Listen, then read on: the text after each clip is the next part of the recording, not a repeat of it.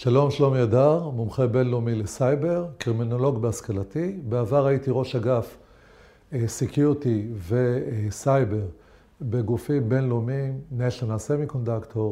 וגוף ישראלי, Tower Jazz Semiconductor. אני רוצה לספר לכם על מקרה בוחן שהיה לי את הכבוד להשתתף בו בצד החקירתי, פרשייה שהתפרסמה לפני כשנה על כך שעובד בכיר בחברת NSO הואשם שגנב את תוכנת הדגל של חברת NSO, תוכנת פגסוס, תוכנה שלמעשה אמורה להיצמד למכשירי טלפון ולהתחקות אחרי גופים בודדים שמעוניינים לבצע פעולות טרור, תוכנה למעשה שהערך שלה הוא נאמד בעשרות רבות של מיליונים, וכיד המקרה האירוע הזה נחשף כאשר המוצר הזה ניסו למכור אותו באמצעות הדארקנט, כאשר התגמול לכך היה במטבע ביטקוין. למה אני מספר את הסיפור הזה? מכיוון שאנחנו כאנשי סייבר, אנשי מנהלי מערכות מידע, סיסו, וכל הפוזיציות, לכל אורך הקשת הזו, מתעסקים הרבה מאוד בכל מה שקשור להקצות לעובדים, תשתיות, אמצעים, ובלבד שהם יוכלו להמשיך לפעול, לשלוח מידע, לקבל מידע בצורה מובטחת ומסודרת. אנחנו, בתחום שלנו, לא נדרשנו מעולם לתת את הדעת על כך שאולי באמצעים הטכנולוגיים הללו, ולאור סיפורים שהתרחשו בארץ ובעולם, על כך שעובדים בכל דרגות הניהול ורצפת הייצור, ניצלו לרעה את המשאבים שהיו לרשותם, שסופקו להם על ידי הארגון, ובכך עשו לביתם ויצרו גם, גנבו כספים, השתמשו במידע פנימי לטובת סחר וממכר, והעבירו במידה מסוימת מידע מהארגון שהם עבדו לגופים מתחרים, שאליהם הצטרפו בהמשך. אנחנו, כאנשי סייבר, בדומה לאנשי סייבר שאני מכיר בעולם ומעט בארץ, סבור שיש בהחלט מקום שאנחנו ניקח חלק יותר פעיל בכל מה שקשור בפיקוח ובקרה על עובדים בארגון שסרחו ואיש לא יודע על כך. למה הכוונה? לנו יש את הטכנולוגיה, לנו יש את האינדיקציה איך להסתכל על פרמטרים שחורגים מהנורמה. כל מה שזקוק זה הכשרה נכונה, קבלת כלים נכונים שעליהם נתייחס בהמשך, וליווי תהליכי קליטה של עובדים חדשים, עובדים ותיקים וכאלה שעוזבים לתפקיד אחר בתוך ארגון, או עוזבים לארגון אחר תחת צו והקפאה או תחת מסגרת אה, אה, הסכם סודיות. אלה פרמטרים ראשוניים. אני חייב לומר שקיימת לקונה עצומה בין הקונספציה שארגונים אומרים בואו נשקיע בתשתיות של אבטחת מידע,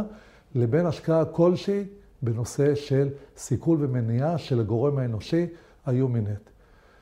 בשקף הבא אנחנו נסביר לכם איזה קהלי יעד, איזה נורות אדומות אמורות להידלק, ובאיזה כלים אתם אמורים להשתמש בקונסטלציה כזו או אחרת, על מנת לייצר הלך מחשבה מסכל של עובדים נורמטיביים, שבסך הכל באו לעבוד, ואין בכוונתם לבצע עבירות, ונגררו לסיטואציה הזו, או כתוצאה מנורמה תרבותית פנימית, או מאילוצים חיצוניים כאלו ואחרים. למרות שרוב הארגונים משקיעים הון עתק בהקצאת משאבים עבור אמצעים טכנולוגיים, על מנת שהעובדים, ציבור הלקוחות וכל מי שבתווך יוכל להמשיך לעבוד בצורה סדירה ויציבה, יש חור עצום, פער עצום, מעין לקונה, שחלק קטן, למעשה פחות מחמישה אחוז מהארגונים שאנחנו מכירים בארץ, בחו"ל זה קצת יותר, שמשקיעים תקציב, הכשרה, סטטוס נוסף למנהלי אבטחת מידע, על מנת שאלה למעשה יעזרו בסיכול ומניעת אה, תקלות כפי שציינו אה, לזה. בהנחה שהתהליך הזה, כפי שציינתי, ייקבע בדומה ל-GDPR או תקנות הגנת הפרטיות, ייקבע בארגון שאתם אמורים לטפל בו, יש לבצע כמה פעולות הכרחיות על מנת שפעולות אלה יבואו לידי ביטוי בצורה מקצועית ומיטבית, לאורך כל הזמן על מנת לחשוף איומים וסיכונים כאלו ואחרים שאליהם נתייחס בהמשך בשקף הבא. לאחר שקיבלתם את המנדט מהנהלת החברה לקחת חלק בכל מה שקשור לפיקוח ובקרה על הגורם האנושי, או בשפתנו יומינט, יש כמה אה, אבני דרך מרכזיים שכדאי להתייחס אליהם. א', אתם חייבים לדעת באיזה קהלי יעד להתמקד, ועל כך אני יכול להציג לכם בהמשך מצגת שאומרת בגדול, יש עובדים מבית, עובדים ותיקים, עובדים בתפקידים בכירים, תפקידים שיש להם זיקה לביצוע עבירות, ויש עובדים לשעבר, או גופים מתחרים, או מה שביניהם. קטגוריה השנייה, חייבים להבין מהם הנורות האדומות שחייבות להידלק אצלכם אם וכאשר מתרחש משהו, ואני אומר נורות אדומות, הכוונה היא לאמצעים טכנולוגיים שבהם אפשר לקבל אינדיקציות ברורות על תהליכים מסוימים שאדם בודד או קבוצת עובדים מבצעים, שאפשר לסכל אותם מבעוד מועד. והתהליך השלישי, איזה פעולות שוטפות עם אינדיקטורים של נורות אדומות, ובכלל, חשוב מאוד להתייחס אליהם לאורך כל פעילותכם באופן הבא. אז באשר לקטגוריה הראשונה, סיכונים ואיומים, מי הם קהלי היעד, אז כאמור ציינתי, יש לנו עובדים שהם במרכז הפעיל, הדרך שלהם בחברה, הם לא בהכרח חדשים, יש גם עובדים חדשים, שאולי הם באו אלינו כמושתלים מארגון מתחרה. יש נותני שירות פנימיים שכבר מרגישים כבני בית, יש עובדים שעזבו אותנו בחטף, לא בצורה מסודרת, ועברו לחברה מתחרה. יש כמובן מתחרים, יש חברות מתחרות, ויש כל מיני גופים שרוצים לסכל את הפעילות שלנו בקטגוריה כזו או אחרת. אם נעבור לקבוצה השנייה, אז רשימת הסיכונים, איומים, שרצוי מאוד להתייחס אליהם, שאתם מציבים את התשתיות שלו, את כל הפסיליטי, ואת ההכשרה, כיצד להתבונן על הנושאים האלה, על הפרסונליזציה, כלומר עובדי החברה, כמה דברים צריכים למקד. למשל, כל נושא שקשור בהונאה, זיוף, מרמה, פעילויות כספיות, עבירות שוחד, תן וקח, אה, גנבת זהויות לצורך סחיטה, אה, אה, סחיטה אישית או סחיטה כספית לעשיית רווח אישי. כל מה שקשור להטרדות פיזיות באמצעות הרשת וגניבה ושימוש בקניין רוחני, יש לנו שקף שמסביר הרבה יותר ממה שנאמר, והקטגוריה השלישית, לאחר שהגדרתם מי הם קהלי היעד, מהם האיומים הפוטנציאליים וכיצד להתמודד איתם, פה יש למעשה, אה, בא הנושא של פעילות מכוונת מטרה, איפה באמת כדאי לשים את עיקר משקל הכובד שלכם באזורים האחרים. אם אתם מזהים, למשל, אצל עובד מסוים, פערים לא מוסברים בסעיפי ההוצאות, במיוחד בהוצאות הקטנות, או אי התאמות של מלאי על פי מדדים, מדידים או מדויקים, או עובדים אשר נודע לכם דרך משאבי אנוש שהם נמצאים במצוקה כספית, שאולי נגרמה כתוצאה מהשתתפות בהימורים דרך מערכות המידע שלכם, או צריכה והזמנת סמים דרך מערכות המידע של הארגון, או חלילה שינוי במצב האישי של העובד, העובדת, כתוצאה מגירושין, או מות חלילה של בן או בת הזוג, או במקרים שהעובד זקוק לסכומי כסף גדולים על מנת לתמוך באחד מילדיו כתוצאה ממחלה שהתגלתה. אלה פרמטרים מרכזיים שאתם יכולים לשים על השולחן על מנת לנסות לזהות ולהבחין מבעוד מועד. אני חייב לומר שאי אפשר לסכל ב-100% את כל האירועים, אבל אפשר לייצר הלך רוח בקרב כל אלה שבמקור לא סברו שהם יהיו עבריינים בארגון, ובמהלך הדרך הם התקלקלו והפכו את זה לתרבות חיים. באשר לעבודה השוטפת, לפרקטיקה, שלכם יש את היכולת גם להבין איך לעשות את זה באמצעים טכנולוגיים ולהיעזר באנשי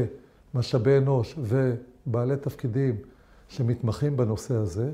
אז יש מספר פעולות, ואני אמנה רק חלק מהן, של פעולות שאתם חייבים לקחת אותן בחשבון בכל צעד ושעל של עובדים בתוך המערכת שלכם. א', זה לא בושה לבדוק עובדים טרם קליטתם, היכן הם היו, האם יש להם פסקי דין, האם הם חשודים בעבירות כאלו ואחרות, האם הם ביצעו עבירות כאלו ואחרות שפורסמו. מעבר לזה, חשוב באמת לבצע בדיקות סמויות יזומות על עובדי מפתח בארגון.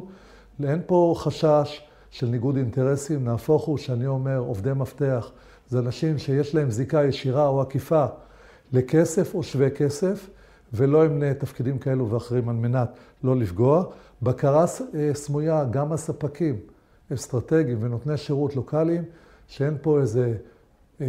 תן וקח בין הספקים הללו לעובדים שיושבים על הציר המרכזי, להכשיר את העובדים הנורמטיביים, לדווח על כך שיש אולי ספק חריג לכאן או לכאן. אני יכול לתת דוגמה בחברת ג'ונסון אנד ג'ונסון העולמית. יש מנגנון שנקרא הקו האדום, שהוא מנגנון אנונימי, דיסקרטי, אפשר להשאיר פרטים ולא בהכרח חייבים להזדהות, וכמובן להצטרף למבדקים חיצוניים ופנימיים, שלא רק אתם מבצעים, על מנת לזהות איזה map road של סיכונים שמתרכזים באזור כזה או אחר אה, ומתפתחים. מעבר לזה, אם אנחנו מסכמים את הנושא הזה, אז כמובן, א', צריך באמת לדאוג להכניס אתכם לתהליכים הללו, שלא תהיו למעשה